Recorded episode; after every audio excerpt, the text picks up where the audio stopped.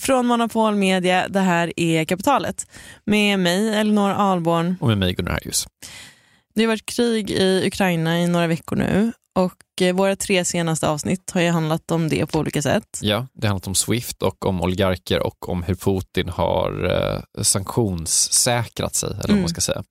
Men idag ska vi inte prata om Ukraina-kriget, utan dagens avsnitt utspelar sig eh, i en annan tid då det också var krig i Europa. Precis, och um, det ger ju dels ett lite så historiskt perspektiv på hur ekonomi och krig och fred eh, hänger ihop. Men det har också fått i alla fall mig att tänka mer på vad som ska hända sen.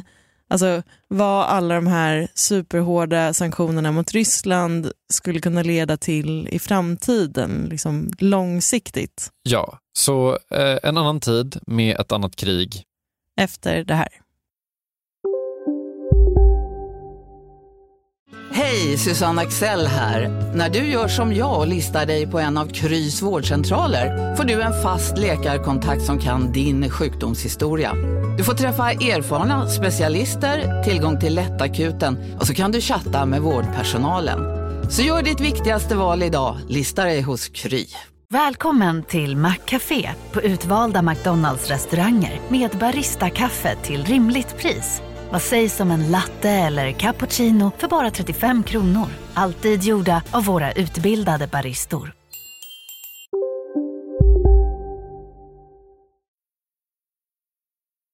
År 2008 är Zachary Carter ny på jobbet. I was a, a banking reporter uh, at a trade publication in Central Virginia.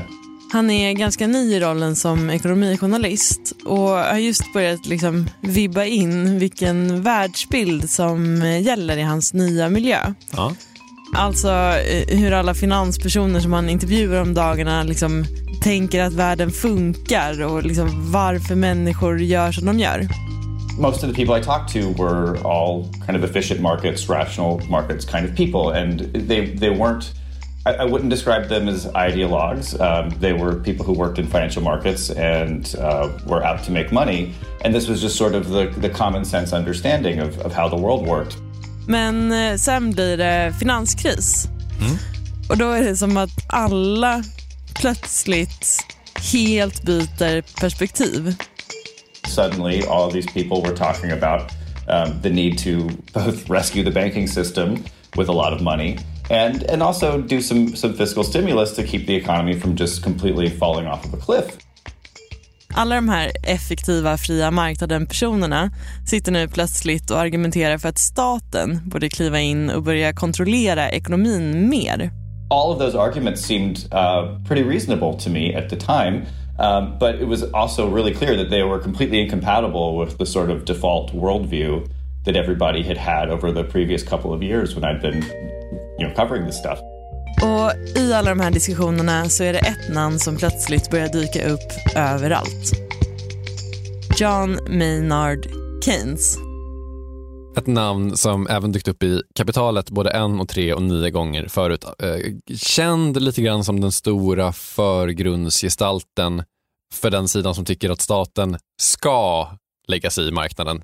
Vid behov i alla fall. Precis. Och Zachary Carter, färsk och hungrig finansreporter som han är, ser nu sin chans att vända den här finanskrisen till en möjlighet. It just seemed to me that if all of these people had kind of become Keynesians on the fly in a crisis, they probably didn't know a whole lot about Keynesian economics itself. So I, I went back and, and started reading some Keynes. It, I I thought this would really help me get a jump on other reporters. You know, I, I'd learned the, the sort of magic stuff and I would know the secrets that the other reporters had to figure out, and I would be like the best banking reporter in Virginia.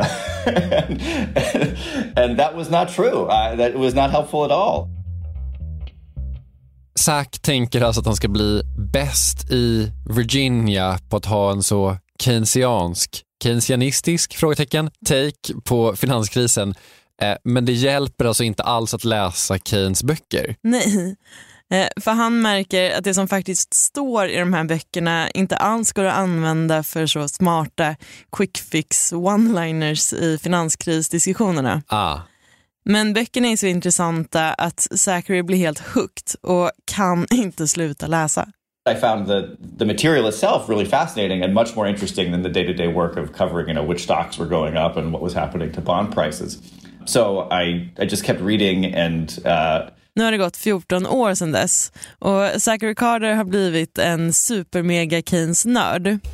Han har just skrivit en 600 sidor lång Keynes-biografi och idag ska han lotsa oss igenom hela Keynes liv och universum. Det är ju lite på tiden att vi tar tag i Keynes tycker jag, för att han är ju ändå verkligen så en av våra mest household nationalekonomiska teoretiker. Ja, och han levde också ett helt sjukt fascinerande liv. Han jobbade för brittiska regeringen och var med och försökte skapa fred efter både första och andra världskriget. Och på fritiden så svingade han sig mellan intima bohemiska fester med Virginia Woolf och Picasso. Och en gång så blev han superduperkär i en rysk ballerina. Och som vi snart ska höra så hängde allt det här ihop med vad han tänkte om ekonomi. Efter det här.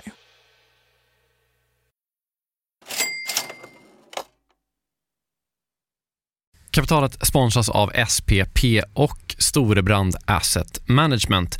Eh, Storebrand och SPP hör ju ihop sedan många år och utan att gå in på några detaljer här och nu så kan vi i alla fall säga att eh, Storbrand Storebrand förvaltar över 1200 miljarder kronor bland annat åt just SPP. Och du har ju träffat Storebrand, Jakob, och pratat om eh, Kina Ja, eh, vi, vi pratar i alla fall om hur Kina blivit en sån otroligt viktig del i omställningen av energisystemet. Eh, över 70 procent av värdekedjorna inom vind och solkraft kontrolleras av Kina, vilket mm. är otroligt när man tänker på det. Ja.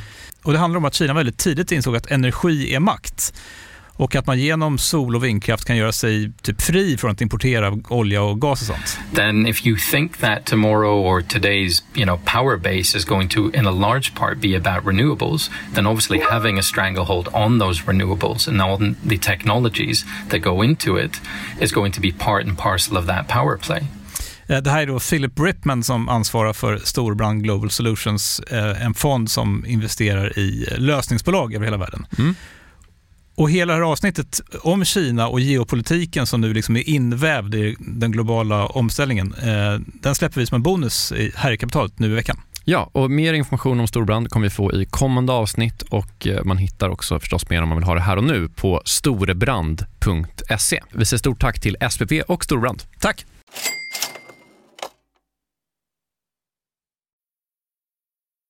Okej, John Maynard Keynes ett namn som man ju hört väldigt många gånger förut, bland annat i den här podden. Eh, han dök till exempel upp i Kapitalets eh, kärleksavsnitt som du gjorde för några veckor sedan. Precis, eh, i avsnitt 245.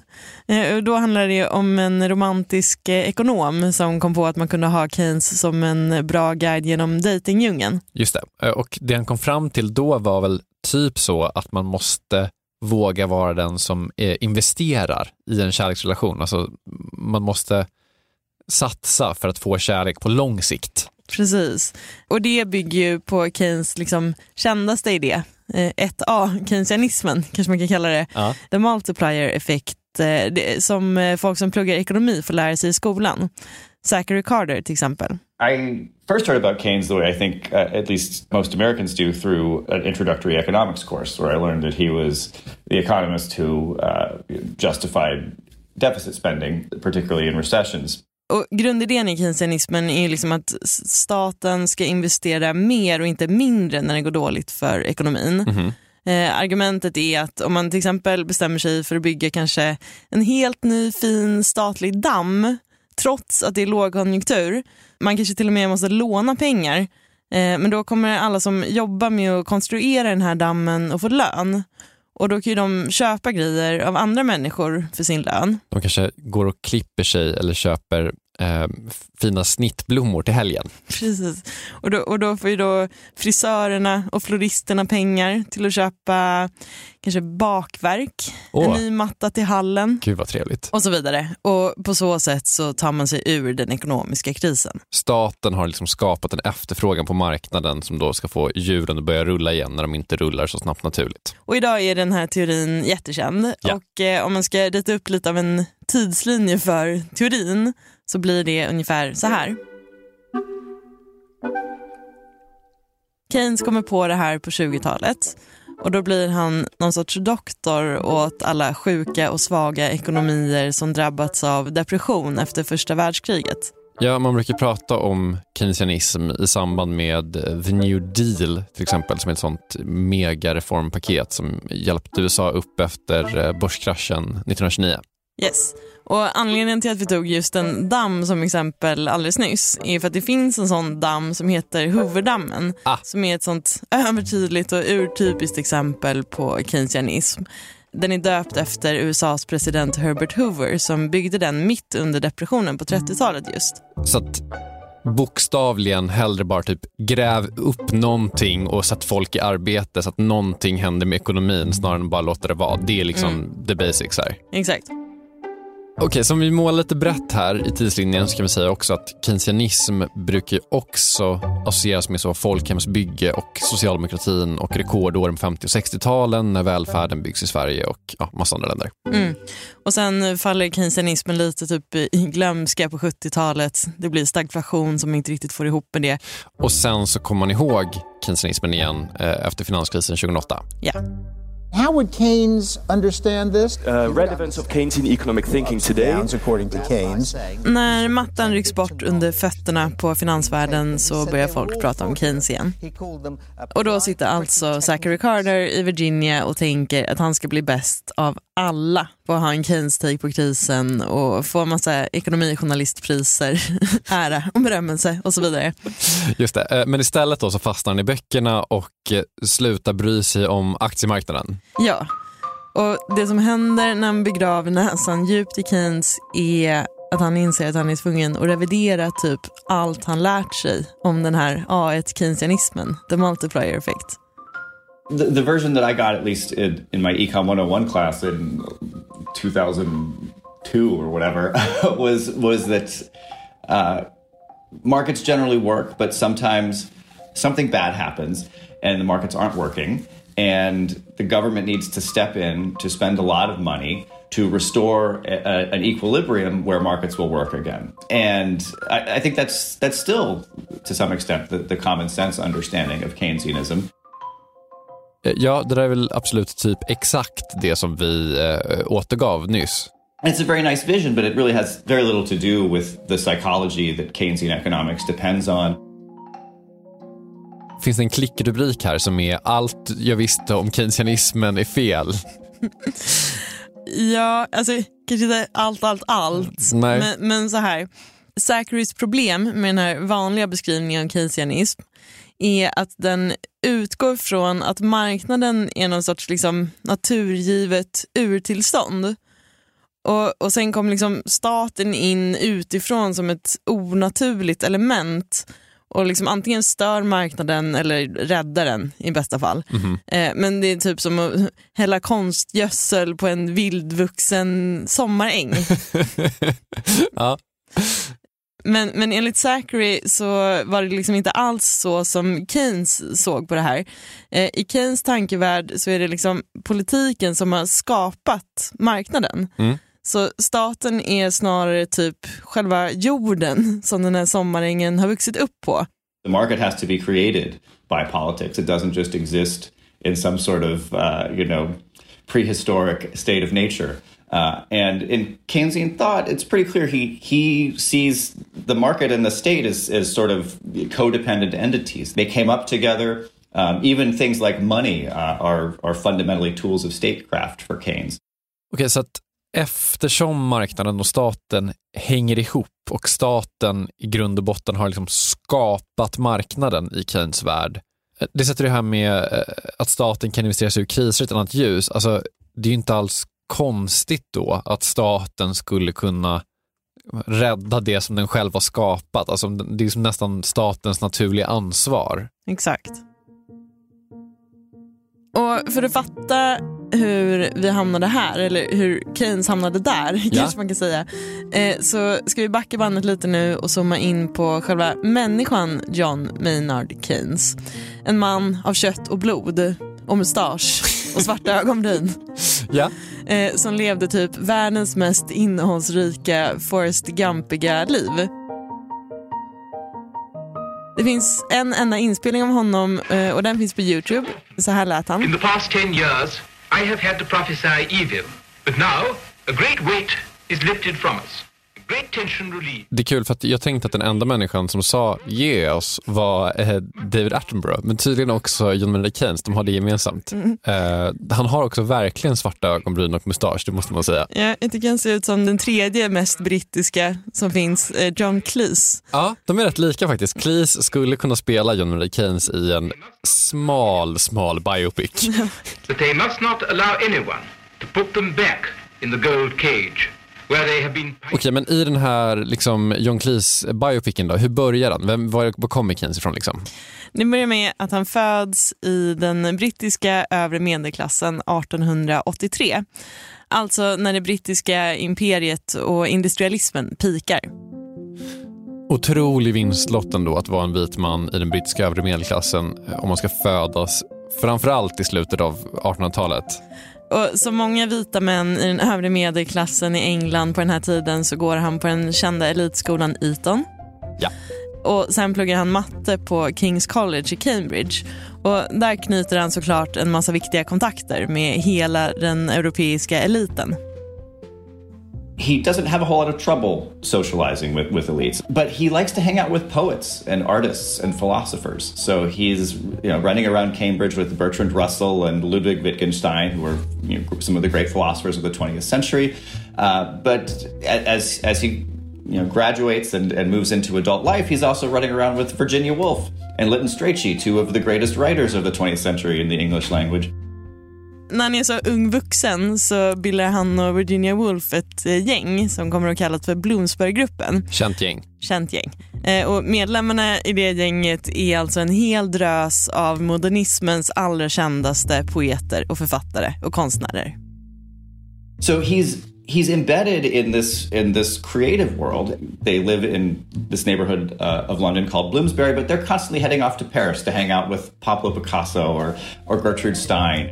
Och de har såklart skitroliga fester, en fri syn på sexualitet där alla ligger med alla oavsett kön. Ja. Eh, och så har de ett landställe som de åker till för att skapa konst och ännu roligare fester och så vidare. Härligt. Och det här berättar jag inte bara för att det är kul, Nej. utan också för att det spelar en väldigt stor roll i det som händer sen. För den här kretsen ska komma att betyda typ allt för Keynes. So Bloomsbury kind of takes takes the role of the the sort of moral teacher, leader, light in in his life, and he's he's always got sort of Virginia Woolf or Lytton Strachey in his head. Talking to him about what he should be doing with his with his life in a, a certain sense, but both literally he's talking to them over the course of his life, but he, they also he sort of internalizes their worldview. Så det här hänget som är liksom mitt i centrum för den kulturella epoken modernism har också jättestor inverkan på Keynes ekonomiska teorier. And so, to some extent, you know, Keynesian economics is embedded in sort of early 20th century literary modernism. That, that makes it very much a product of the 20th century, but also makes it feel, I think, like a much more realistic account of how human beings operate, what they care about, what motivates them, than the sort of standard, sterile, profit maximizing, you know, introductory economics model of a human being. Okej, bara så jag hänger med här. Alltså, Zachary menar alltså att den här vänskapen med Virginia Woolf och alla andra modernistiska poeter och konstnärer vad det var, det gör att Keynes använder typ en bättre modell av så, mänskligt beteende än vad folk haft innan, typ mm. Adam Smith och det gänget. Mm, precis. Och till den andra sidan då av Keynes eh, work-life balance. Ja. eh, för han håller ju inte bara på att gå på bohemiska fester utan han är också superintresserad av ekonomi och politik. Ja. Så han börjar jobba på finansministeriet och där klättrar han snabbt. Men det blir inte riktigt som han hade tänkt sig. För eh, första världskriget bryter ut och Keynes är pacifist, precis som resten av Bloomsbury-gänget. Men nu är han plötsligt ansvarig för all krigsfinansiering för det brittiska imperiet. So he's in the room with, with combat strategists. And of course, his friends find that just appalling, and they, they accuse him of hypocrisy with, with some justice, I think. And he's he's really um, he's he's really torn by this. Vilken jävla svår sits du. Mm. Och Det här gör att Keynes är såklart full av slitningar. För Han identifierar sig som pacifist, men han är också en jättestark imperialist. okay. Fram till kriget i alla fall så har han liksom verkligen, verkligen trott på det brittiska imperiets förmåga att sprida godhet och framgång över hela världen. Det låter ju helt sjukt idag, ja. men, men, det var så. Det var en annan tid. Det var en annan tid. Eh, och han har också sett frihandel som en liksom magisk nyckel. By exchanging goods and ideas, different peoples would become closer and be, be you know, more likely to pursue peace and prosperity than you know, violence and conflict. And he sees at the end of the First World War that's, that, that just isn't true. Så eh, det som händer under första världskriget är att liksom allt som Keynes har trott på raseras. Mm. And he comes to see the imperialist project as deeply flawed and also comes to see the interconnected nature of the global economy as much more fragile than he had believed it to be. Och när kriget tar slut så skriver han en bok i affekt. Keynes is angry. He's angry with British leaders for disillusioning him of this happy dream that he had. Den boken får titeln The Economic Consequences of the Peace och den blir hans stora genombrott som ekonomisk tänkare. his view is let's get rid of all of these sort of impurities in this system. Let's let's stop this rivalry of of debt and finance that has sprung up. Och Det Keynes är liksom mest konkret arg på i den här boken är Versaillesfördraget. Alltså den stora uppgörelsen mellan ja, massa länder efter första världskriget. Precis. Versaillesfördraget innehåller alltså jättemycket krigsskadestånd och skulder som ska betalas olika länder emellan. Mm. Och Keynes tycker det är helt idiotiskt. För framförallt så slår ju Versaillesfördraget ganska hårt mot Tyskland. So the British war debts and the German reparations, he's, he argues that these obligations are just too large. There's no way you'll get the economic engine of Europe restarted if every country is trying to just pay off all of this debt. Keynes tror att det skulle vara mycket bättre i längden om man skrev ner skulderna så att alla länder kan fokusera på att få igång sina egna ekonomier istället. Och så kan man handla sig till välstånd för alla sen. And he, he keeps calling for international conferences to get rid of these war debts or at least find ways of easing the, the, the strain they, they create. The Economic Consequences of the Peace blir en riktig internationell bästsäljare och den gör Keynes till en världskändis. Men hans bohemkompisar i Bloomsbury blir ändå inte jätteimponerade. Det är för dem ingen jättegrej antar jag då, att man har en världsberömd bästsäljare. Nej. Jag tänker också att de är avis helt ärligt. Mm. Eh, det är ganska mycket rivalitet i den här gruppen eh, och de håller också på att pika honom hela tiden för att han ens håller på med något så fult och världsligt som eh, politik. At times Bloomsbury accuses Maynard of uh in Virginia Woolf's uh, words, worldliness, being being too involved in politics and these sort of dirty things that are, uh, uh, you know, the the corruptions of of the political system. This whole political thing that Maynard is doing when when he should be trying to write poetry or write a novel or something like you know responsible people would do. Det är ett väldigt härligt perspektiv tycker jag. Att det är så här, skriv poesi som en vettig människa istället. Sluta hålla på med det här tramset om att, jag vet inte, förändra världen i sina mm. grundvalar. Fred på jorden. Exakt. Men eh, det här verkar också faktiskt liksom get to him på Oj. riktigt. Han tar mm -hmm. åt sig.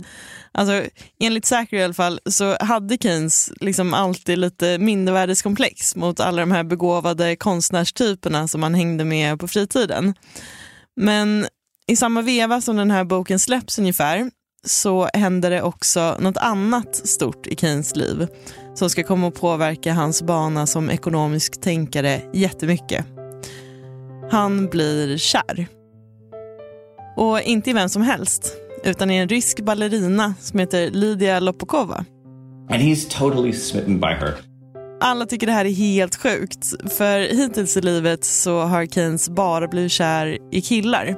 All of his friends think it's just crazy, like Maynard, you're, you're gay, you like men. Men det är inte bara hennes eh, kön som skaver. Mm -hmm. eh, Bloomsbury-gänget verkar också känna sig ganska hotade av Lydia trots, eller typ för att hon förkroppsligar deras ideal i så hög grad.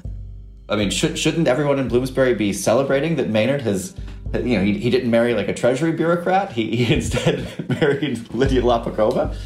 Uh, but this this romance becomes, uh, you know, the most important relationship in his in his life. Um, they're they're clearly deeply in love, and it's hard to imagine him being the thinker that he became without that relationship. Och Lydia Lopokova, hon tycker att den här äh, kritiken, eller vad man ska säga, från äh, Bloomsbury-gänget. Alltså att Keynes skulle vara en dålig pacifist som engagerar sig för mycket i världspolitik. Mm. Eh, och hon tycker det är asfånigt. Eh, tvärtom så pushar hon honom till att fortsätta med makroekonomi och internationell politik. Man kan liksom se det i deras eh, korrespondens för den här tiden, att hon verkligen så ger honom självförtroendet eh, tillbaka. Vad gulligt. Mm. Och eh, också hur hon övertygar honom om att han ska åka på en finanskonferens i Genua i Italien, där man ska prata om de här krigsskulderna.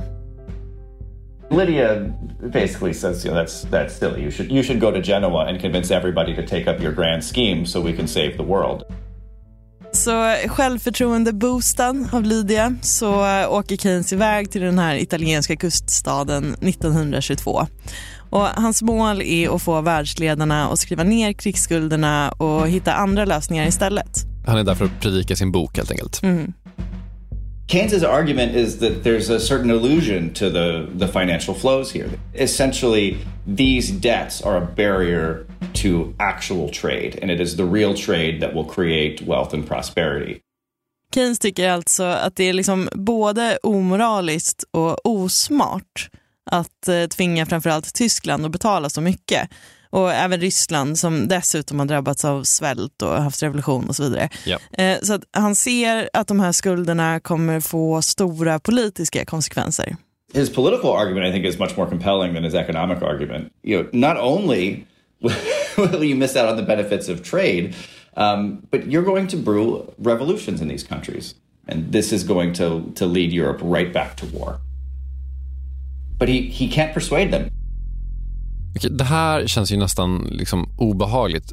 Äkta sliding doors. Tänk om de hade lyssnat på honom och tänk om det på riktigt ju hade gjort att andra världskriget aldrig hade brutit ut. Alltså, det hade verkligen så förändrat världshistorien för alltid och det är inte ens ett skämt. Många av de här ledarna i Genua fattar ju också hans poäng. Han är liksom inte den enda som kan se en ekonomisk depression och liksom höra stöveltrampen från fascismen runt knuten. Mm.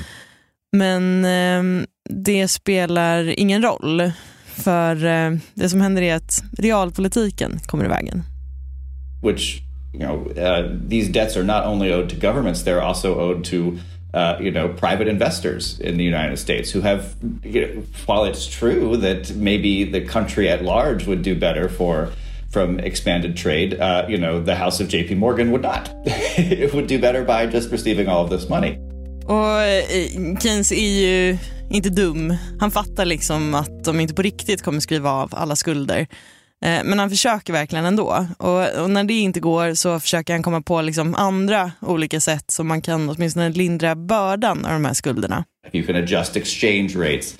Uh, if you can uh, maybe inflate the currency a little bit in, in some way, make it easier to, to repay these debts. The big problem will still be there, but it, it, it might buy them a little wiggle room for some, some time until you can work out a, a more comprehensive solution. And of course, even this project fails. De här små eh, krockkuddarna, eller vad man ska säga, eh, kanske hade funkat. Eh, det vet ju inte jag.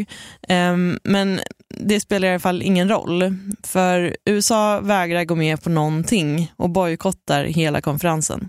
Och sen dröjer det inte så himla länge innan det ska visa sig att Keynes hade tänkt helt rätt om vad som skulle hända med ekonomin. The perpetual inability to deal with these debts, I think, does um, bring us to, to the Great Depression.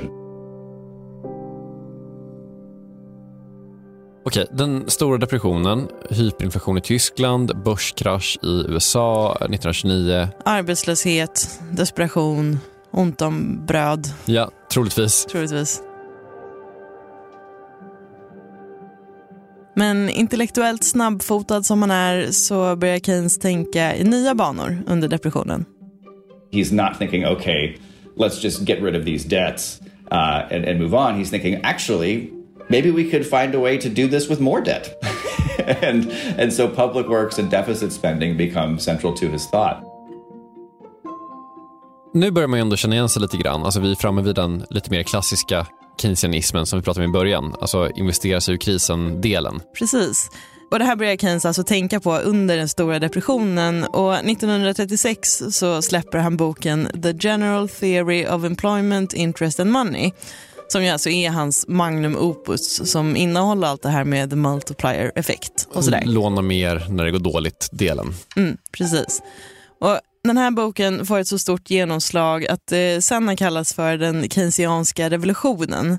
Alltså både i den liksom, teoretiska makroekonomiska världen och i den liksom, konkreta ekonomiska politiken. Mm. Men eftersom den släpps 1936 så hinner Keynes inte riktigt glädjas åt någon makroekonomisk revolution. PGA tre år efter 1936 är det 1939 och då är det världskrig igen. German aircraft carried out a number of attacks on Great Britain last night. The first attack on a convoy which has been actually recorded at sea. Många miljoner människor dör. Städer bombas sönder. Europa i spillror igen. Och 1944, när andra världskriget är på väg mot sitt slut, så packar Keynes väskan för att åka på en ny finanskonferens. Den här gången ska han till bergen i New Hampshire i USA, till en ort som heter Bretton Woods. Och han har med sig nya idéer om hur det ska bli fred och harmoni på jorden. Hur det gick? Efter det här.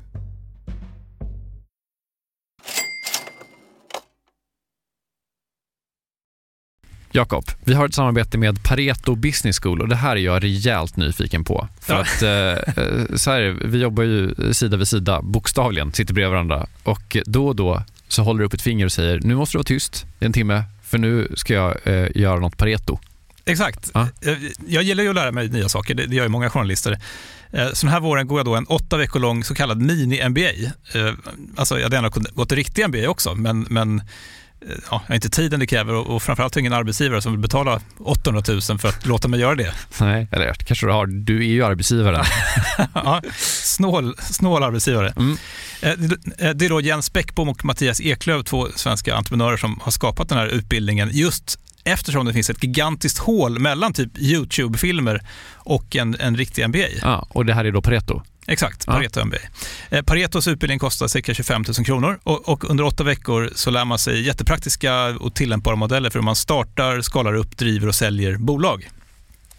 Eh, Jens och Mattias eh, de håller själva i många föreläsningar, de är garvade entreprenörer båda två. Mm. Och har man så olika gästföreläsare som kom in. Mm. Typ någon kille som, som eh, var expansionschef på Spotify, någon som körde marknadsföring på Revolut, eh, en kille som driver Sveriges största campingkedja, Mm. som har varit med i kapitalet faktiskt, Okej. Johan Sör. Ja. Ja, just det. Också har varit en helt otrolig svensk eh, entreprenör som byggt massor med grejer i Vietnam.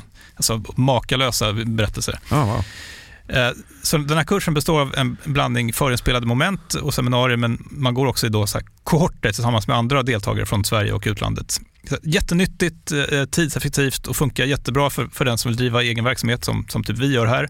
Eller om man typ driver projekt och affärer i större bolag. Wow. Om man är taggad på att eh, bli en del av den här, liksom, vad ska man säga, Jakob skolan om man vill bli som dig, lära sig lika mycket som, som du har lärt dig, vad, Ja. vad gör man då? Eh, Nästa kursstart är 5 april. Eh, Så vill man ta ett kliv framåt i sin utveckling eller karriären eller så, gå då till arbetsgivaren och kolla om du inte kan gå den här utbildningen. Priset ligger alltså på 2500 euro, men ni får 10% rabatt om ni anger Monopol Media som referens när ni eh, gör er anmälan. Mm. Eh, Man kan också gå in på paretoschool.com för att eh, läsa mer och ja, se lite smakprover från själva utbildningen. Då. Mm. Så att eh, man sparar jättemycket pengar för att gå Handels MBA och man sparar ytterligare pengar om man tar del av eh, Monopol Media-erbjudandet. Ja, exakt. Ja, en no-brainer som vanligt. Plus att man blir ju eh, alumnkollega med mig då. Verkligen. Så stort, stort tack till eh, Pareto Business School och eh, gå in på paretoschool.com.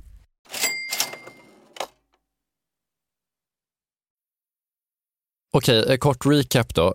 John Maynard Keynes har levt ett liv bland framstående konstnärer, filosofer och poeter. Han har blivit jätte jätte, jättekär i en rysk ballerina.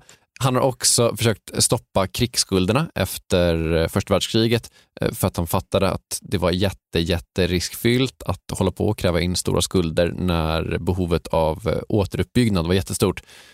Världen lyssnade ju som bekant inte på Keynes, men det skulle de ha gjort för att han fick nämligen rätt. Och efter första världskriget så drabbades ju då världen av en global ekonomisk depression. Mm. Eller Alltså, ingen vet ju vad som hade hänt om man gjort som han sa, parallella verkligheter och sådär. Ja. Um, men det blir i alla fall depression och Keynes tar nya tag och tänker om.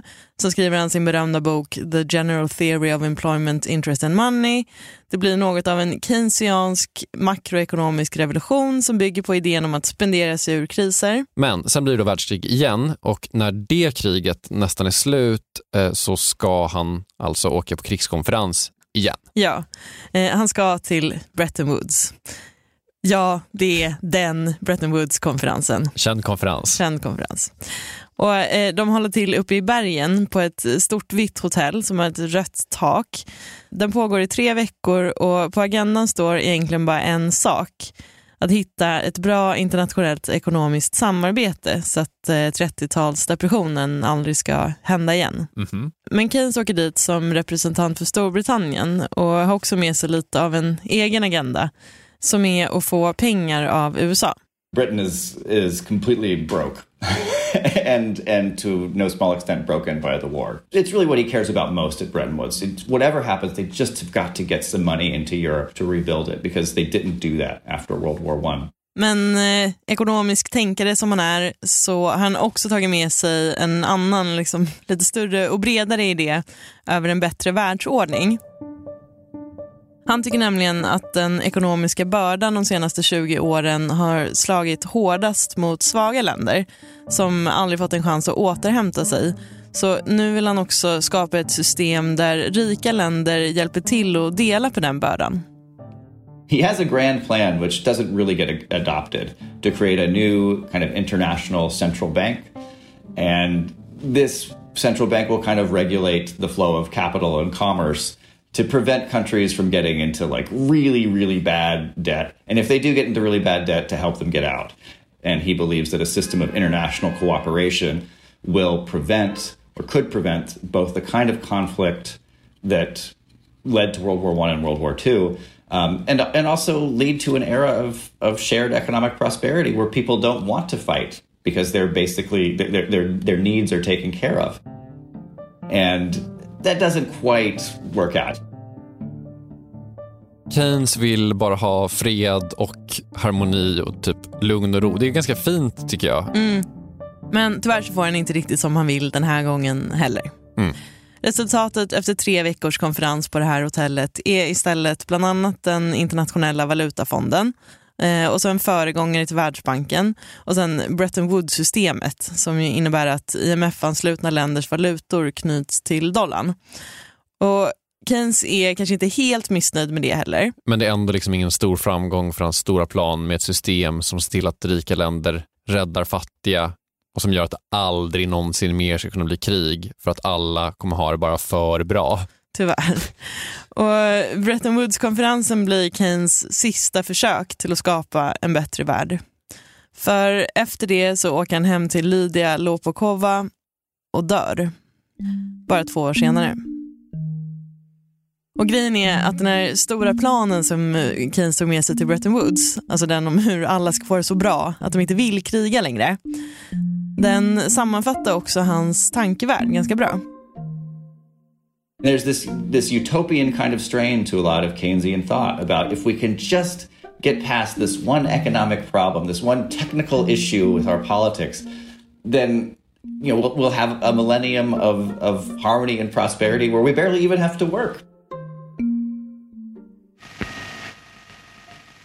It is a wonderful thing for our businessmen and our manufacturers and our unemployed to taste hope again. Så grejen är alltså att även om Keynes bytte åsikt om saker ganska ofta genom livet, alltså han var i skiftande grad pacifist, imperialist, marknadsliberal och så vidare, eh, så var hans tankar alltid färgade av att han såg politik och ekonomi bara som medel för att nå det stora målet. And it's, it's, it's very clear. It's just let's do Bloomsbury everywhere. Wouldn't everyone want this? Han tänkte alltså att om man bara fixade till det ekonomiska systemet lite grann så skulle alla kunna leva exakt som han och Virginia Woolf levde 1912. Um, obviously, it's, not, it's not the world that, that we, we inherited a, a few generations later, but, um, but he believes it's possible. And, uh, and Bretton Woods is sort of his, his last best chance to achieve that. Och sen eh, efter att han dött så tar ju världen till sig en hel del av hans liksom, makroekonomiska idéer om hur man ska kicka igång ekonomin. Ja, det är ju på 50 och 60-talen som eh, man bland annat här i Sverige då bygger upp mycket av våra liksom så, välfärdssystem. Precis, eh, och i hans eget hemland Storbritannien också till exempel.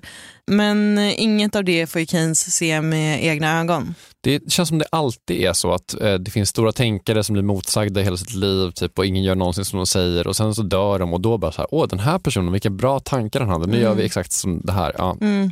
Och den här drömmen om ett Bloomsbury for all, den har inte besannats. Men eh, lever kvar som en dröm eh, hos mig i alla fall, för jag tycker det är toppen. Jag tycker också att toppen, jag vill också hänga med, med Virginia Woolf och sådär. Det verkar vara ett härligt liv bara. Mm. Kapitalet är slut för idag. Men eh, innan vi går vill vi också tipsa om din kryptopodd. Ja, de kallar oss krypto. Den handlar om Krypto, med mig och Mårten Andersson. Toppenpodd. Ja, Vi som gjort det här avsnittet heter Elinor Ahlborn. och Gunnar Harjus. På redaktionen finns också Åsa Secker och Agnes Wenzel Blank. Vår chef heter Jakob Bursell och Jesper Hagenborn har gjort slutmixen. Vi hörs nästa vecka. Då handlar det om något helt annat. Troligtvis. Hej då!